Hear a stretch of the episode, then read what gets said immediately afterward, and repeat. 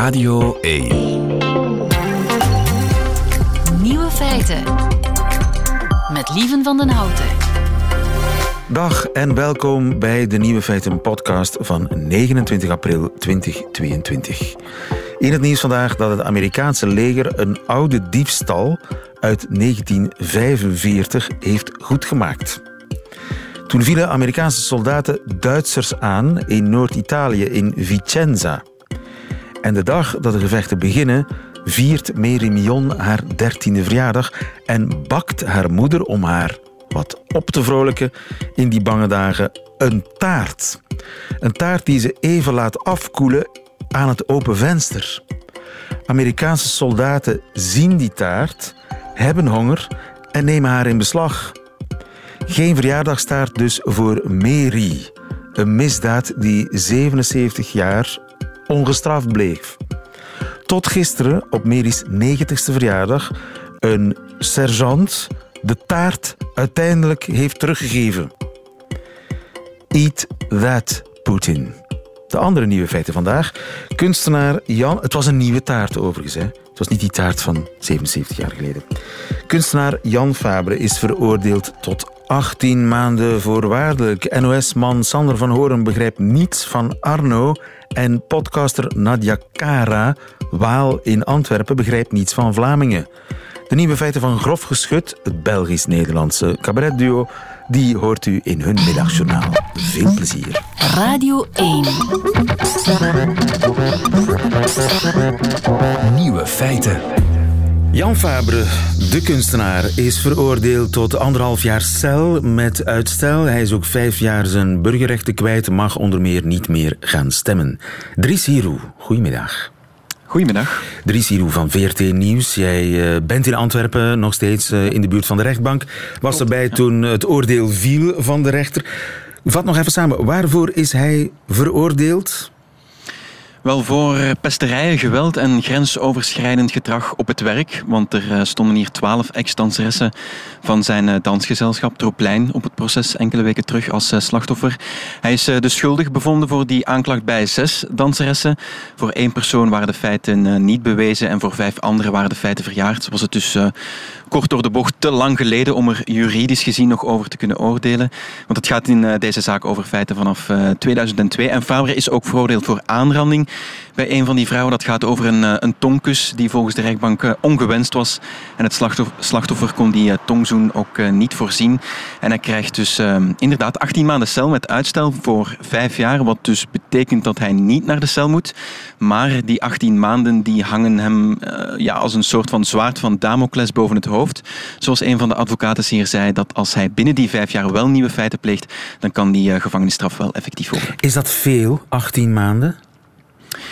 Wel, het is moeilijk om daarover te oordelen. In principe bij aanranding kan je gaan tot uh, vijf jaar effectief. Maar de rechtbank heeft um, ja, geoordeeld dat dat, een, uh, dat dat een gepaste straf is. Ook rekening houdend met zijn uh, blanco strafblad tot voor vandaag. Um, dus ik kan me daar moeilijk over uitspreken. Maar het maakt de advocaten van de, van de burgerlijke partijen, van de slachtoffers, ook niet heel veel uit als ik het goed kan inschatten. Nee, die zijn sowieso blij met de uitspraak, los van de strafmaat. Ja. Dat zegt hun een van hun twee advocaten, Anne-Sophie Raas. De cliënten zijn bijzonder tevreden dat die belangrijke erkenning er gekomen is. En ik denk dat we toch wel mogen spreken van een mijlpaal. Niet alleen voor de moedige dames in dit dossier, maar ook hopen we de dames voor de slachtoffers in het algemeen van dergelijk gedrag. Als zij zich nog zouden afvragen of dat strafbaar is, of dat beteugelbaar gedrag is, dan denk ik dat dit vonnis aangetoond heeft dat het antwoord wel degelijk ja is op die vraag. De cliënten zijn bijzonder tevreden. Ik denk dat we toch wel mogen spreken van een uh, mijlpaal zegt Anne-Sophie Raas, die samen met Christine Mussen de verdediging voerde van de burgerlijke partijen. Een mijlpaal, klopt dat ook volgens jou? Wel, op het uh, proces zelf namen inderdaad ook al enkele vrouwen het woord. Zij waren hier niet vandaag, maar ze zeiden toen wel dat het op zich al een erkenning was dat justitie zich hiermee bezighoudt. Je hoorde datzelfde signaal ook misschien wel een beetje in de zaak De Pauw, dat de vrouwen ja, gewoon wilde dat, dat er een inzicht was, dat er een, een erkenning kwam voor het leed dat hen was, was aangedaan. En bij Bart de Pauw kwamen er ook excuses voor diegenen die zich slecht hebben gevoeld op het einde van, eh, van dat proces. Hier kwam dat toen ook, zij het in de vorm van een brief. Want Fabre is hier eh, op zijn proces, eh, op zijn proces eigenlijk nooit geweest. Het moet ook gezegd worden, het was natuurlijk het arbeidsauditoraat liever dat na die open brief in 2018 een onderzoek startte en Fabre hier voor de rechter bracht. En ja, een veroordeling op die welzijnswet op het werk was misschien ook wel te verwachten, omdat die drempel juridisch gezien, uh, en ik zeg het tussen aanhalingstekens, misschien niet zo hoog ligt in die zin dat het voor ja, een overtreding um, hoeft de intentie, het opzet hoeft er niet te zijn. Het, het maakt dus niet uit of Fabre intentie had om schade te berokkenen. Het is voldoende dat er een gevolg is van zijn gedrag, namelijk die schade. En dat heeft de rechtbank dus uh, bewezen geacht, die gevolgen. En de rechtbank is dus van oordeel dat Fabre had moeten en kunnen weten dat zijn gedrag niet kon. Maar de verdediging, ja, die hebben daar een, eh, een andere lezing over, uiteraard. Ja, Fabre zelf die pleitte onschuldig. Welke argumenten had hij? Wel, die gedeeltelijke verjaring van de feiten die werd hier bepleit, maar in het algemeen zeiden zijn advocaten, ja, zij zien zijn handelingen in een soort van Fabriaanse context. Dat was het woord dat hier toen... Fabriaanse context? Ja, wel, inderdaad, ja, dat Fabre zijn werkmethode controversieel, heel hard kan zijn, maar dat dat ook vastgelegd is in een handboek, dat iedereen wist waaraan hij of zij uh, begon. En ja, Fabre kan hard zijn, hij kan veeleisend zijn, hij riep soms, uh, zeiden de advocaten, en het was misschien soms wat ongepast, maar juridisch strafbaar, dat zeker niet. En alles moest geschetst worden in die context van dat artistieke proces. Want hij maakt nu ook eenmaal controversieel theater, was de uitleg waarin seks, lust, bijna het, het dierlijke van de mens centraal staat. Um, en hij ontkende op zich niet alle, niet alle feiten. In die zin, die Tonkus bijvoorbeeld, ja, hij ontkende niet dat dat gebeurd was, maar hij zei ja, dat was met, uh, met toestemming. Maar die argumenten werden dus uh, voor zes vrouwen in ieder geval door de rechtbank uh, ja, aan de kant gelegd. Weten we al of hij in beroep gaat? Um, nee. Um, de verdediging die zegt dus dat er geen systematische werkcultuur, um, of toch geen systematisch toxische werkcultuur was. Zij houden zich vooral daaraan vast dat de rechter dat niet zo benoemt. Er was wel een patroon bij die zes, maar zij zijn blij dat de rechter inderdaad niet heeft gezegd dat hij een algemene um, tiran was. Maar of ze in beroep gaan, dat weten we nog niet. de advocaten van de slachtoffers die gaan in ieder geval niet in beroep, want zij zijn blij met de erkenning. En opvallend, dat wil ik misschien toch ook wel even meegeven aan dat vonnis, daar viel mijn oog ook net op, um, is dat de, de, rechter ook wel een uitspraak doet over de kunst, misschien in zekere zin. Aha. In die zin um, dat er dat de rechter zegt, wel, wij hebben rekening gehouden met dat artistieke maakproces en dat er misschien wetten zijn die die vrijheid, die die artistieke vrijheid kunnen inperken, maar dan nog, ja, is dit wel strafbaar, zegt de rechter. En over een van die privéfotosessies, en ik lees even, um, staat er dat een danser die diende bepaalde poses aan te nemen. Die zijn volgens de rechter um, ja, als vernederend ervaren. En ook een aanwezige getuige heeft dat zo verklaard. En dan schrijft de rechter wel, uit niets blijkt dat deze poses enige artistieke waarde zouden hebben. Dus het zegt in zekere zin ook wel iets over ja, waar kunst begint en stopt. Misschien. Dat is heel interessant, want ik heb Filip van Kouteren aan de lijn. Als het goed is, dag Filip. Goedemiddag, lieven. Uh, dankjewel ook uh, in Antwerpen voor ons bij de rechtbank Dries Hiroe. Dankjewel. Ik ga onmiddellijk naar uh, Filip van Kouteren. Want ja, zo blijkt dat de rechter eigenlijk de kunst aan banden heeft gelegd. Heeft, of in ieder geval een artistiek oordeel heeft geveld over het werk van Fabre. Ja. Door te zeggen, ja, die poses, dat, dat, is, dat is niet artistiek. Dat hoor ik ook net, dat ja. de rechter daar een uitspraak Ik ben daar ook door verrast. Um, uh, ik, ik doe zelf geen uitspraken over wat de rechter doet. Um, ik hoop dat de rechter zich daar ook, uh, en ik ben daarvan overtuigd, dat de rechter zichzelf wel, wel zal deskundig laten informeren uh, om ja. zo een uitspraak uh, of zo een, een, uh, een, standpunt gefundeerd in te nemen vanzelfsprekend. Ja. Maar jij als directeur van het SMAK in Gent, was jij verrast door de uitspraak 18 maanden cel met uitstel? Wel, ik, ik wil, ik, wat, van in het begin hebben wij toch altijd proberen onderscheid te maken tussen wat een juridische aangelegenheid is en de uitspraak die daar nu bij volgt, um, en het uh, artistieke gebeuren. Want ik vind dat, we, dat er nogal vaak eigenlijk alles op één hoopje wordt gegooid. En de bezorgdheid die we als museum van dag één hebben, is vooral om vooruit te kijken En vooral naar aanleiding van alles wat gebeurd is rond en met Jan Fabre. Um, proberen met andere partijen samen um, gesprekken op te zetten, ontmoetingen mogelijk te maken, die ervoor zorgen kan dat in de toekomst zo dergelijke dingen niet meer kunnen gebeuren. Nu, um, dat is op de eerste plaats mijn, mijn, mijn grote, als museumdirecteur mijn grote uh, mijn, mijn engagement. Jij wil vooral naar de toekomst kijken en uh, vermijden dat dit uh, soort incidenten, meer dan incidenten uiteraard, strafbare feiten zich niet meer kunnen voordoen. nu, kunstenaars. En, en, en, inderdaad, en daarbij vragen ook stellen, lieve, hè, ruimer dan Jan Fabre, valt de kunstenaar samen met zijn werk, enzovoort enzovoort.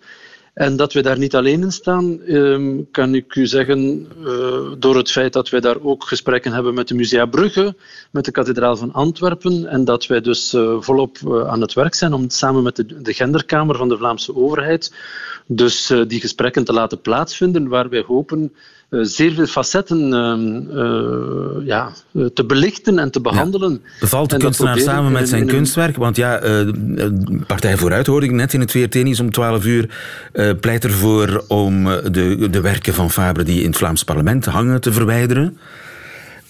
ja, dus het is begonnen, hè? De ontvabering. Het is begonnen. Uh, ik denk dat we ook eens naar ons koningshuis zullen moeten telefoneren. Ja, die kevers, mogen die blijven hangen of, of, uh, aan het plafond? Koningin van... Mathilde al eigenhandig de kevers aan het verwijderen is. Ik hoop echt, echt, ik hoop voor ons allemaal als samenleving dat we niet in een soort heel directe, nogal primitieve impuls uh, gaan denken van dingen te laten staan of te verwijderen, maar dat we op een, op een goede, dialogerende methode een soort constructief model kunnen ontwikkelen naar de toekomst toe. En dat, dat denk ik dat veel belangrijker is dan uh, het, het, aan- en uitdenken waar we het nu over hebben, dat beelden moeten weggehaald ja. worden uit het Vlaams par parlement. Je zou ze nee, laten staan, hè? Ik voel het. Absoluut, absoluut. Dat is ook wat wij in Gent gaan doen en wat wij in Gent altijd gezegd hebben om te doen. Maar waar we altijd daar parallel aan gezegd hebben dat het vooral ons gaat om het inhoudelijke om het debat, om de discussie en debat. Dus de man die de wolken uh, meet, die blijft op het dak van het smak. De, de man die de wolken meet, die zal de wolken blijven meten. Maar niet noodzakelijk op het dak. ja, uh, op het dak. Die op het dak, oké. Okay. Die, man, die, man, die man meet wolken op het dak. Maar nogmaals, lieven, uh, voor mij is dit maar een, een, uh, een detailvraagstuk. Waar het, veel, waar het echt om gaat, is om die toekomst. Niet om de anekdote over een beeld blijft staan of niet blijft staan, maar hoe we als kunstensector, als cultuursector, een omgeving kunnen creëren en kunnen uitbouwen waarin wat gebeurd is niet meer kan ja, gebeuren. Want inderdaad, de, de, verdediging van Faber heeft aangevoerd, het hoorde eigenlijk bij... Hij had er een heel mooi woord voor, het systeem Faber of zoiets. In ieder geval het artistieke maakproces van Fabre. En inderdaad, op het podium worden grenzen verlegd. Uh, dansers worden tot uitputting gebracht, tot het uiterste, tot masturbatie zelfs. Ja, dan valt het niet te verwonderen dat dat in de loop van het productieproces, dat daar ook wel eens over de grens wordt gegaan. En hier heeft de rechter wel gezegd, de kunstenaar, aan de kunstenaar, dat is de grens. Ja, daar ben je, ik ben natuurlijk minder thuis in alles wat uh, podiumkunst en theater betreft. Hè. Daar, daar, daar uh, zou een collega van mij moeten spreken. Ik ben iemand van de beeldende kunst, wat toch veel vaker toch een statischer gebeuren is. Hè. Als we dan denken aan het, het beeldend uiver van iemand als Jan Fabre. Ja. Uh, dus daar ben ik niet zo goed in. Ik, daar ken ik de werkprocessen. Maar je, uh, het gaat toch ook om de kunstenaar die zich ook aan de wet moet houden?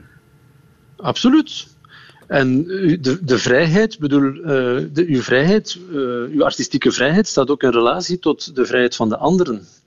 En daarin zijn bijvoorbeeld kunstenaars die daar heel duidelijke standpunten hebben, die bijvoorbeeld nooit met dieren zullen werken, omdat zij het gebruiken van dieren in hun werk uh, ook een soort misbruik vinden. Um, dus ik vind dat we vandaag um, het, het, het, idee van de artistieke vrijheid, waar altijd mooi mee geslingerd wordt, dat moet nog altijd een heel belangrijk, onaantastbaar goed zijn. Maar we moeten wel een ongelooflijke alertheid hebben naar de veranderende context waarin kunstenaars opereren. En die veranderende context vraagt, door ook dat de media anders functioneren, doordat we anders geïnformeerd worden, doordat er eh, dat we in een totaal andere samenleving zitten, betekent dat wij onze notie van artistieke vrijheid moeten proberen veel te, te, te verfijnen, duidelijker te maken. Proberen daar op een, op een meer empathische manier naar een context mee om te springen. Ja. En ik zeg dat natuurlijk als niet-kunstenaar. Ik zeg dat van iemand die vaak met kunstenaars werkt. Ja. Uh, maar dat denk ik dat, dat we proberen moeten op zoek gaan in onze samenleving naar de nuancering. Um, en ons niet laten verleiden door door het pamflet, door Juist. het, het, binaire, door, door de zaken echt in een soort oppositiedenken naar voren te brengen. Juist. Want kunstenaars een, een die... toekomst, een toekomst te verbeelden voor de artistieke vrijheid. Ja. Kunstenaars die verleggen grenzen, anders waren ze geen kunstenaars, maar moeten natuurlijk ook nog rekening houden met de wet en de samenleving. Nu, uh, slotvraag. Wat betekent dat voor zijn marktwaarde eigenlijk? Moet ik mijn fabels verkopen weet- of moet ik ze juist kopen? Ik weet niet hoeveel je er hebt natuurlijk. Geen, voor alle duidelijkheid. Ehm, nee, nee, nee. Maar ehm, ik denk een jaar terug, toen het proces al aan de gang was, ehm, is er nog een, eh, een sculptuur van de man die de wolken meet. Een van die exemplaren eh, geveild in Lokeren. En als je daar de veilingsresultaten ziet, dan kan je eigenlijk niet zeggen dat eh, dit een effect heeft op de marktwaarde van zijn werk. Ja. Toen was hij natuurlijk nog niet veroordeeld. Toen was hij nog niet veroordeeld. Laat ons ook niet vergeten dat, dat de kunstmarkt, eh, net zoals vele andere markten, ook een spel is van vraag en aanbod.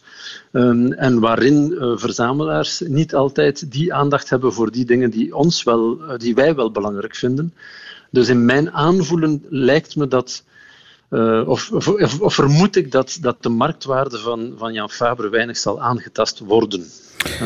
Filip van Kouter, Eh, directeur maar van daarvoor SMAK. ik- dat zeg ik opnieuw, net zoals Ja. ik niet op het podium sta, ben ik ook niet iemand die een galerie Ja, uitlaat. je, je houdt Ehm, eh, dus nog daar slag ben ik twee keer relatief onwetend. relatief onwetend. Filip van Kouter, dankjewel, directeur van het SMAK. Nieuwe feiten.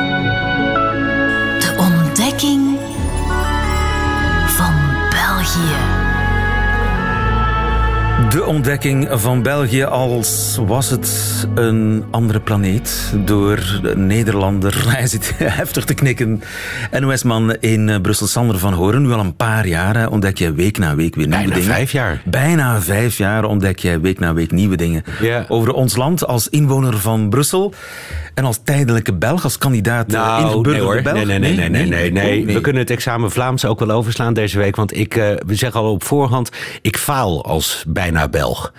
Echt, en deze week was wel heel erg duidelijk. Pijnlijk zelfs. Nou nee, eh, beyond pijnlijk. Hoe, komt hoe, hoe bleek dat zo pijnlijk? door het overlijden van Arno Hintjens. Dat ik ehm, dat las en dacht van ja, oké, oude mensen gaan dood. Dus eh, mijn eerste vraag is, ja, dit dus zo inderdaad. Mijn eerste vraag bij mezelf is dan natuurlijk altijd, moet ik de NOS bellen? Is dit zo groot dat ik daar op de radio eh, even iets over moet vertellen? Maar wat dan, behalve dan dat een oude man eh, overleden is? Wat heb je gedaan? Heb je gebeld? Nee, ik, heb, nee, ik heb eerst geluisterd naar wat heeft hij gedaan. En toen dacht ik Dat van, wist je niet. nee. Je kende Arno niet eigenlijk. Nee. En toen ik hoorde wat voor muziek hij maakte, toen dacht ik van ja, dat kan ik me ook wel voorstellen. Dat is voor een nieuwe feiten als obscuur plaatje is dat leuk. Eh, en toen dacht ik van dat is ook iets wat, wat jij typisch volgens mij leuke muziek vindt. Alleen toen zat ik even later in de Is auto. icoon, hè? Ja, ik weet het. Ik heb al gezegd, ik faal. Dus alle remmen Ja. zijn, alle, ik ben alle schaamte voorbij hoor, deze week. Want toen zette ik M&M op. ehm, drie generaties onder jou, zeg maar. En daar hoorde ik een eh, wa- wat jongere vrouwelijke versie van, van, van Lieven... hoorde ik eh, vol passie en gloed vertellen over Arno. Eh, dat het zo'n gewone man was geweest en hier in Brussel en zo benaderbaar... en zo'n zo'n levensgenieter die op café kwam. En toen startte zo'n plaatje in. En toen dacht ik nog steeds van ja... Dat is inderdaad een man die veel op café zit, dat hoor ik wel. en, toen had Je ik, hebt hem nooit op podium gezien. en dat is het dus. En ik, eh, ik ben dus niet met hem opgegroeid. En het zou dus hetzelfde zijn. Nou ja, goed. Ik wel. Ja, jij wel. Maar, Ik heb hem gezien toen ik 17 was op podium. Als Maar dat heb je dus kennelijk nodig. Matic En ik was omvergeblazen. Dat is een ster. En dat heb je dus kennelijk nodig om de man en wat hij gedaan heeft op waarde te schatten. Tuurlijk. En om ook op waarde te kunnen schatten, dus, en daarom faal ik ehm, als, als bijna Belg, ehm, om op waarde te schatten wat hij heeft betekend voor de Vlaamse cultuur. Maar dat gezegd hebbend voor de Waalse cultuur. Als het aan eh, hem had gelegen, had, of het heeft dus eh, aan hem gelegen, maar hij had kunnen doorbreken in Frankrijk, lees, lees ik Hij ook. is doorgebroken in Frankrijk, hè? Dus wellicht is het een, een, een, een, een echte Belg eerder dan een echte Vlaming nog. Dus hè, hij, Absoluut. hij heeft ook in die zin... hij, is, hij is de vlees geworden Belgitude. Fantastisch. Ja. En ik miste het allemaal. En toen dacht ik van ja. Het is ook eigenlijk bijna te veel om te verwachten. Het, het zou, ja, het- jij bent de verkeerde om tegen te praten, want jij bent een halve Nederlander en je dweept met Nederlands. Dus als ik tegen jou Henny Vrienden zeg en doe maar, Ja, maar dat was ook heel groot bij ons hè, in de jaren tachtig. omdat toen iedereen nog naar de NOS of in elk geval naar de Nederlandse televisie keek. Ehm, maar stel dat je inderdaad gewoon, gewoon als Oekraïner in Nederland komt en je snapt niet wat totdat de bom valt en eh, als je wint heb je vrienden, wat, waar dat vandaan komt. En als je niet snapt dat jongetjes als ik destijds, doe maar, toen al helemaal niks vonden, maar dat alleen maar leuk vonden omdat het meisje op wie ze verliefd waren er helemaal mee dweepte. Dus ik liep ook met die groen-roze sjaaltjes rond. Had ik je toen maar gekend. Eh, ja, nou ja, dat laat ik even passeren. Maar eh, dat heb je dus nodig om Nederland te begrijpen. En dat, dat vind ik wel een eigenlijk verontrustende vaststelling. Dat elke keer dat ik dus voorbij dat, dat VTM-dumpkanaal... wat bij mij op eh, Proximus zit... waarbij alle oude series worden uitgezonden... waarbij ik dus soms inderdaad wel eens naar FC de kampioenen... of thuis, of hoe het ook allemaal maar mogen heten. En voel je de Vlaamse vibe? Ik voelde, eh, ik be- bedwing de neiging om meteen door te zeppen. Oei. Omdat, dat, ja, maar dat is, zou hetzelfde zijn als van die Oekraïner. Want jou kan ik weer niet als normaal voorbeeld nemen, want jij vindt dat leuk, dat weet ik. Maar tegen die Oekraïner zeggen, je moet een heel seizoen zeggens A doorploeteren. En dat heb je nodig, omdat je dan pas Nederland, of in elk geval... Maar zeg eens, A was heel populair in Vlaanderen hoor. Maar daarom heb ik het over een Oekraïner en niet over jou, want jou neem ik nee, niet nee, nee, serieus. Het, wat het gaat niet over mij, het gaat over Vlaanderen. Het is toch wel eh, zo dat de Vlaming, laten we zeggen, iets meer open staat voor de Noord-Nederlandse cultuur, iets meer open staat voor zeggen A, Henny Vrienden, doe maar, dan omgekeerd kennelijk. Ehm, Of zijn we niet goed genoeg? Nee, nee, ik denk dat dat gemiddeld genomen wel waar is of waar was. Natuurlijk zijn er ook hele grote Belgen in, in Nederland bekend. En ik bedoel, we hebben nu Philip Goebbels, daar, daar, daar, daar Ja. wij ook mee. En Gek hè, hoe de ene wel erin slaagt om de Nederlanders... halve krantenlandschap is in handen van België. Dus, Maar het gaat erom dat je als buitenstaander en als echte buitenstaander, dus niet als Belg die veel Nederlandse cultuur heeft gekregen, maar je moet zo diep in die haarvaten duiken. Want ehm, thuis en FC de kampioenen hebben allebei Vlaanderen en de Vlaamse cultuur gevormd tot wat het is. En omdat ik dat zie als een soort strafcorvée om oude televisie door te ploeteren, en dat dus ook niet doe of onvoldoende. Zal ik het dus echt nooit goed begrijpen. En heb ik dus ook eigenlijk het eerste uur, anderhalf. Je geeft het op. de Als het waarde van Arno volledig onderschat. Maar eh, dat stuk op de Nederlandse radio over Arno, dat is er niet gekomen. Of op de Nederlandse televisie. Uiteindelijk wel, maar Aha. daar heb ik me toch eventjes over mezelf heen moeten zetten. Over het Nederlandse televisie wil ik vanaf zijn. Dat heb ik in elk geval niet gemaakt. Maar op de radio, ja, heb ik daarover verteld. En, maar ja, dat is hetzelfde. Was het dan een soort maak kennis met die rare man uit België? Waar ze zo, of, of eh, betekende Arno iets in Nederland? Ik denk voor de oudere generatie wel. TC Matic, dat, dat was een naam die bij mij ook nog wel vaak een belletje deed rinkelen. Oké, ik heb goed nieuws. Je bent voorlopig van het examen Vlaams af. Oh. Maar het komt nog. Want l'Union fait la force. Ik heb zometeen een Waal aan de lijn die al tien jaar in Vlaanderen woont. En die dus ook op zijn manier de ontdekking van niet zozeer van België doet, maar van Vlaanderen. Maar het feit dat je dat op deze manier introduceert, dat zegt toch al genoeg over dit hele rare land. Dat je het bijzonder vindt dat je een waal aan de telefoon hebt. Ja, inderdaad. Ja. Maar samen gaan we dan examen Vlaams doen. Niet, na, eh, wel, niet, niet zonder eerst naar Tissimatic te luisteren natuurlijk. Misschien kan ik je overtuigen. L'union fait la force.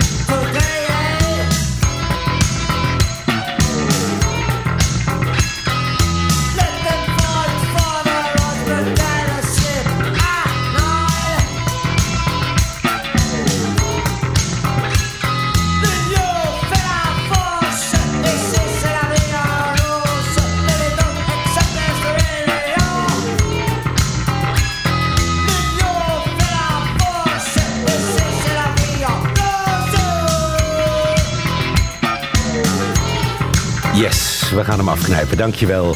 Ik kan je niet overtuigen. Ja, maar dit, dit heeft eigenlijk heel veel niet met Henny Vrienden te maken, die ook deze week is overleden. Maar dit doet me, en, en de hele persoon Arno doet me heel erg denken aan Herman Brood. Ook, ook het, ja, het losgeslagen. En ik bedoel, als je er wat mee hebt, dan, dan tolereer je veel van hem. Maar ja, ik luister hiernaar en denk, er is betere muziek gemaakt. Oké, onze technicus is niet akkoord. Net als veel eh, luisteraars. Team C, Matic en L'Union fait la force. En omdat eh, Eendracht macht maakt, heb ik nu Nadia Kara aan de telefoon. Dag Nadia. Hallo. Nadia, eh, jij bent in zekere zin familie van Sanders. Niet dat jij België ontdekt, want je bent Belg. Maar je ontdekt Vlaanderen als Waal. Waar kom je oorspronkelijk vandaan? Eh, ik ben in Luik geboren en getogen. Ik heb dan in Brussel gestudeerd en ik woon sinds, ja, ik woon nu tien jaar in Vlaanderen. En waar ergens in Vlaanderen? Ik woon nu in Antwerpen eh, al drie jaar. Ik heb hier een appartement gekocht, maar daarvoor heb ik zeven jaar in Gent gewoond. Dus ik heb een beetje Oh, ja, je hebt de. Tour de Vlaanderen gedaan. Bijna, ja. Ja, Nadia Kara. Niet Je- tot naar Hasselt. Je bent eh, schrijfster en ook podcaster. Ja. En eh, door de ogen van een ander naar jezelf kijken, dat is eh, heel gezond en interessant. Daarom zit elke week ook hier Sander van Horen, de NOS-man in Brussel. Ja. Vertel eens over jouw ontdekkingstocht in Vlaanderen. Is het een andere wereld waar je terecht, in terecht bent gekomen, na Luik? Het is wel een andere wereld. Ik had eigenlijk verwacht dat het moeilijkste de taalbarrière ging zijn. Eigenlijk is dat sowieso moeilijk om een nieuwe taal te leren. Maar ja, in de cultuur zitten er ook veel verschillen en in de manier waarop dat mensen zich gedragen en zo. En een aantal van die dingen zijn makkelijk om te begrijpen en om zich aan te passen. Maar voor een aantal andere, andere zaken is het soms een beetje moeilijk om, om, om, ja, om de zin te vinden. Zo, waarom Dus jij dacht dat het, het dingen? Nederlands eh, het grootste obstakel zou zijn, maar eigenlijk is het de Vlaamse cultuur die jou heel erg is opgevallen. Bijvoorbeeld op restaurant, wat valt je op? Ja, ehm, ik vond heel opvallend dat Vlamingen balkjes verstoppen in, eh, in de vol ik, heb, ik heb dat nooit in mijn leven gezien daarvoor. En ik vraag me ook oprecht af waarom. Volle van Want- met balletjes, met gehaktballetjes. Dat, dat, dat Ja. vind jij als Waal bizar. Ik als ja, Brusselaar bij ons ook is trouwens. Het gewoon... Ja, Brusselaar ben ik dus niet. Maar ehm, nee, vol is bij ons gewoon ja, verse kip, eh, lekkere sausje, champignons en geen, geen zo raar industrieel dinges. Ik vind dat echt raar. En op café, wat, wat valt je dan voor de rest ook op? Ehm, ja, op café valt het voor mij vooral op dat, ehm, dat als het mijn verjaardag is, dat ik mensen plots moet tracteren. Bij ons Oh, dat is toch normaal? Nee. Nee. Waarom? Het is uw verjaardag. Je zou niet voor niks moeten betalen. Je krijgt cadeaus, mensen zijn lief met u. Je moet voor je drankjes toch niet betalen? Oh, dat is iets Vlaams. Ja, en iets Nederlands hoor. Dat hebben jullie van ons, ben ik bang. Ah, maar dus in Dat- Wallonië dat is het zo dat mij. jij getrakteerd wordt als het je verjaardag Tuurlijk. is. Hoezo moet je plots heel je vriendengroep tracteren? Het is uw dag. Maar hoe, hoe is dat dan op school? Want in Nederland, en ik neem dus aan ook in Vlaanderen, dan begint het al op school. Als je jarig bent, dan krijg je van je moeder krijg je zakjes met snoep mee en dat deel je uit aan je klasgenoten. Daar betaal jij voor. Ja, dat deden we wel, ja. De Ah, dat oké, wel. Ja. ja. Maar allee, mijn mijn mama bakte dan een taartje en ik bracht dat dan naar school en we deelden dat dan met de vrienden. Maar dat is anders, vind ik. Dat is anders dan, eh, dan ja, 300 euro uitgeven op de avond van uw verjaardag in, in bier op café. Ja. En op straat, eh, wat valt je op op straat? Eh, ja, veel fietsen. Ah ja, natuurlijk. fietsen. Vlamingen fietsen hebben we ook van de Nederlanders. We hebben Ja. ook wel veel gemeen met de Nederlanders, zo blijkt. Want de fietscultuur is minder in Luik en in de rest van Wallonië. In mijn jeugd alleszins wel, ehm, maar ik merk nu wel dat, eh, ja, dat het wel in Wallonië ook begint. Ehm, maar ik kon bijvoorbeeld, toen ik naar Gent verhuisde, kon ik echt amper fietsen. Ik kon ook niet zo ja, mijn arm opheffen om, om aan te duiden dat ik naar rechts moet of zo. Eh, nu kan ik nog steeds niet zonder handen fietsen. Dat is heel moeilijk, maar ik kan wel beter. En ik kan wel met één hand fietsen. En, ik En heb je al een lycra pakje? Nee, nee, nee, nee, nee, nee. Dat is wel iets... Ja, dat is te ver voor mij. Dat snap ik dat- Iedereen heeft dat hier. En Ja, hè? mijn vrienden gaan soms ook de zondag gewoon ja, koersen. En ja, ik lig nog in bed met een kater en ik vraag me soms af van, ja, hoe doe je dat? Maar is dat, want ik bedoel, er zijn ook heel veel Walen die natuurlijk behoorlijk kunnen fietsen. Dat, dat wordt daar niet gebeurd. Dus als Het is een sport. Het is alleen een sport. Je gaat niet... De, de, de Waal, bij uitbreiding de Franstalige, verplaatst zich minder gewoon in het dagelijks leven Ja, per ja. fiets. Ja. Dat is alleen Ja, nu wel doen meer dat. en meer. Nu wel meer en Nu meer, meer maar en het meer. zit ook gewoon minder in de cultuur. We hebben, allee, fietspaden in Wallonië zijn ook heel recent bijvoorbeeld, dus het is ook niet echt iets veilig Ja. eh, om te doen. Eh, ja, het zit gewoon echt veel minder in de cultuur. Wij deden dat soms met, met mijn papa. Gingen we dan de zondagmiddag gewoon in de buurt even fietsen, zo rondjes doen.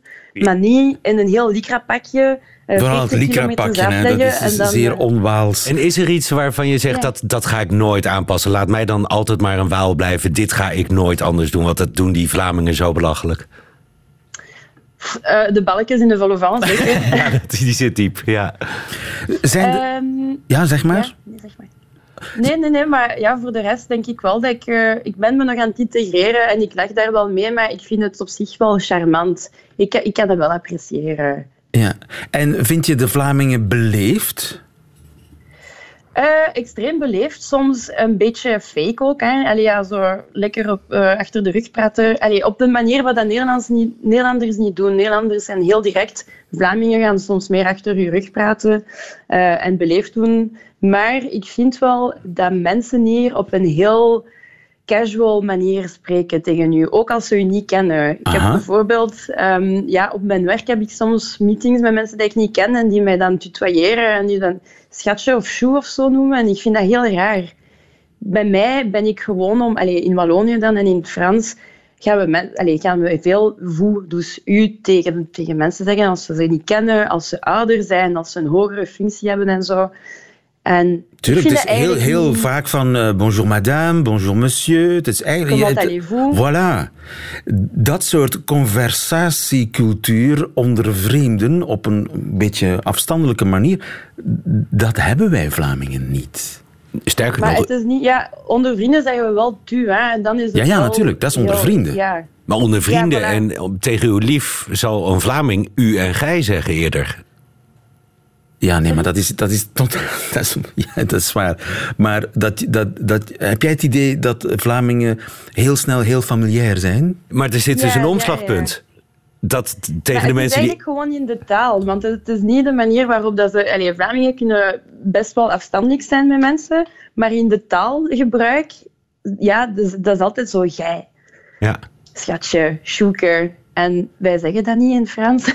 wij wachten totdat we iemand beter kennen om Ja, van die woorden maar ik denk te dat wij, wij Vlamingen op dat punt misschien ook wel Nederlandser zijn dan we willen toegeven. Dat wij ook veel sneller informeel worden. Ik zit me trouwens Ja. af te vragen wat voor werk je doet. Want schatje en sjoeken, dat, dat denk ik dat je dat toch niet op heel veel plaatsen zult horen. Kijk eventjes naar Lieven want dat is toch... Dat, is, dat is wel een beetje Antwerps. Ja, ook misschien. Eh, ja. ja. Ja. Maar ook dat is jou misschien wel opgevallen, dat, dat, dat Antwerpen en Gent, je hebt in beide plaatsen gewoond, dat dat een enorm verschil is. Eh, ja, ik dacht in het begin, ja, zelden, maar eigenlijk totaal niet. Gent is ook een veel kleinere stad. In Gent wonen er ook veel West-Vlamingen. Ehm, dus qua cultuur is het sowieso wat anders. Antwerpen is, ja, Antwerpen is, stad, is het stad en de rest is parking, hè. dat is toch bekend. Oké, het, is, het is heel eh, Gewoon interessant. als, als het te erg wordt, eh, gewoon naar Brussel komen. Hè? Daar in de wijk waar Arno groot geworden is, daar, daar zitten restaurants waar je in het Vlaams volle van kunt bestellen, Voilà. maar dan zonder balkjes. Oké, eh, je, Ah. je hebt ook een podcast, daar zeg ik er even bij. eh, maar ik eh, we ontsnappen hier niet aan natuurlijk.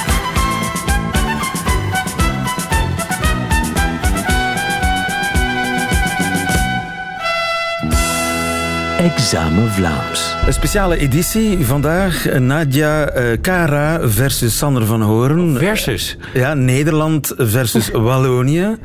Examen Vlaams. Ik begin bij jou iedere keer, want je hebt toch een achterstand, vind ik, denk ik. Eh, Sander.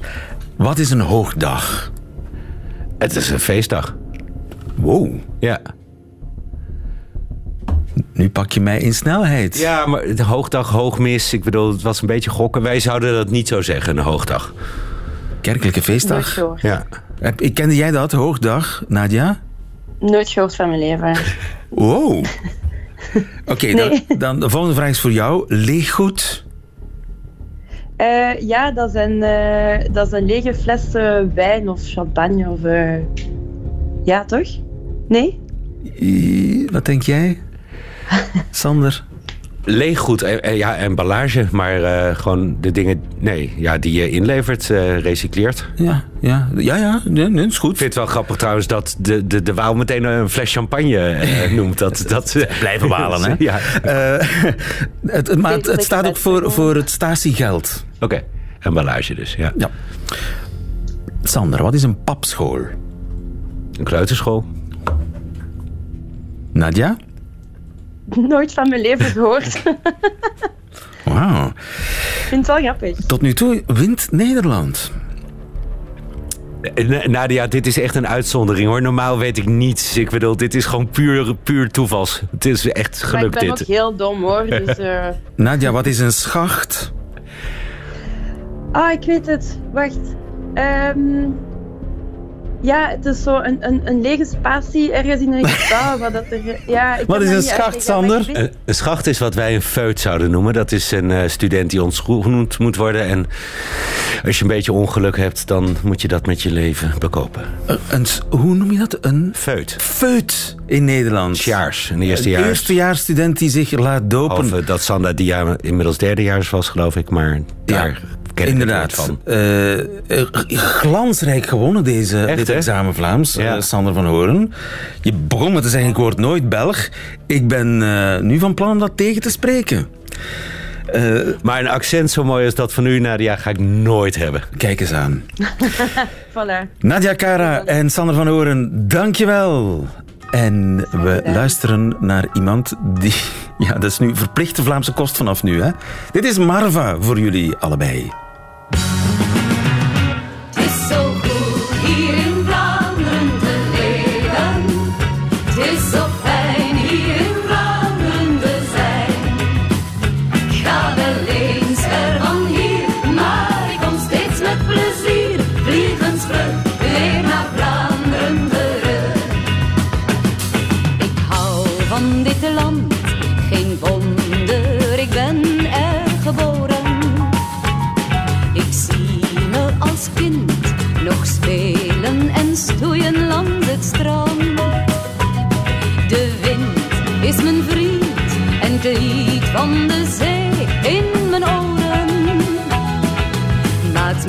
mijn hart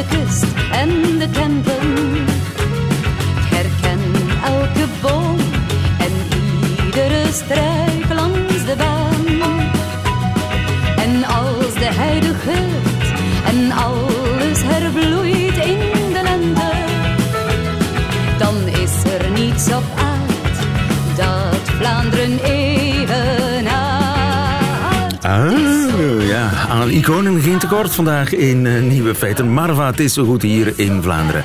Ook het middagjournaal is in handen van een Vlaams-Nederlands duo. Nieuwe feiten. Middagjournaal.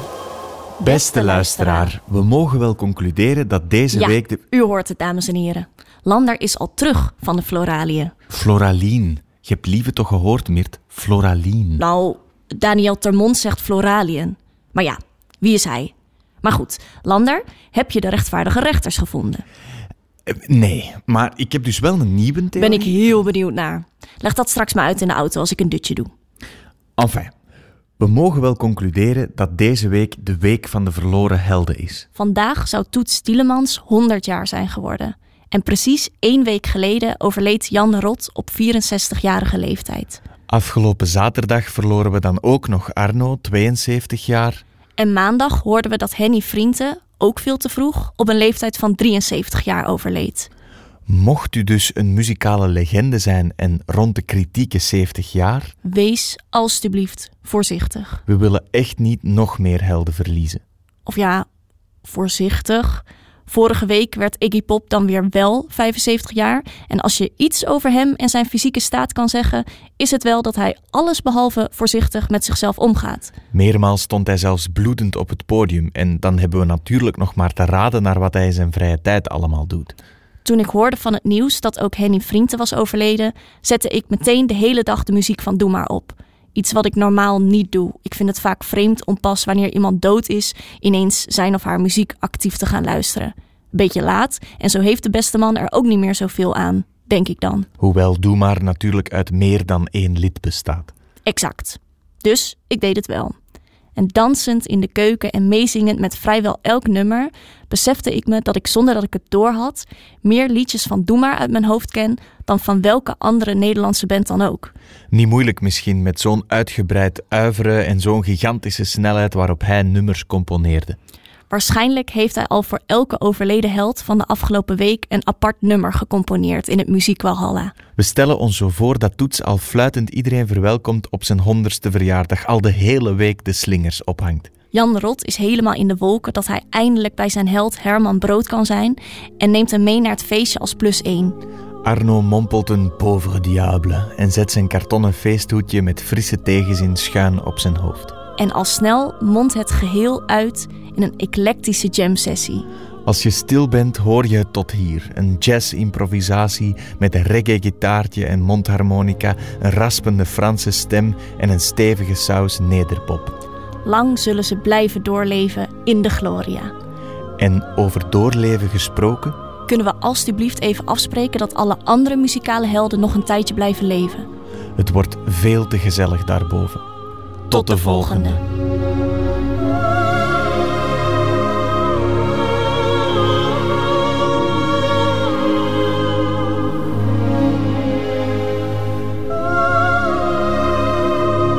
Het middagjournaal met grof geschut. Waarvoor dank. Einde van deze podcast. Hoort u liever de volledige nieuwe feiten met de muziek erbij? Dat kan via radio1.be of via de Radio 1 app on demand of live. Lekker ouderwets op de radio. Elke werkdag tussen 12 en 1. Tot een volgende keer.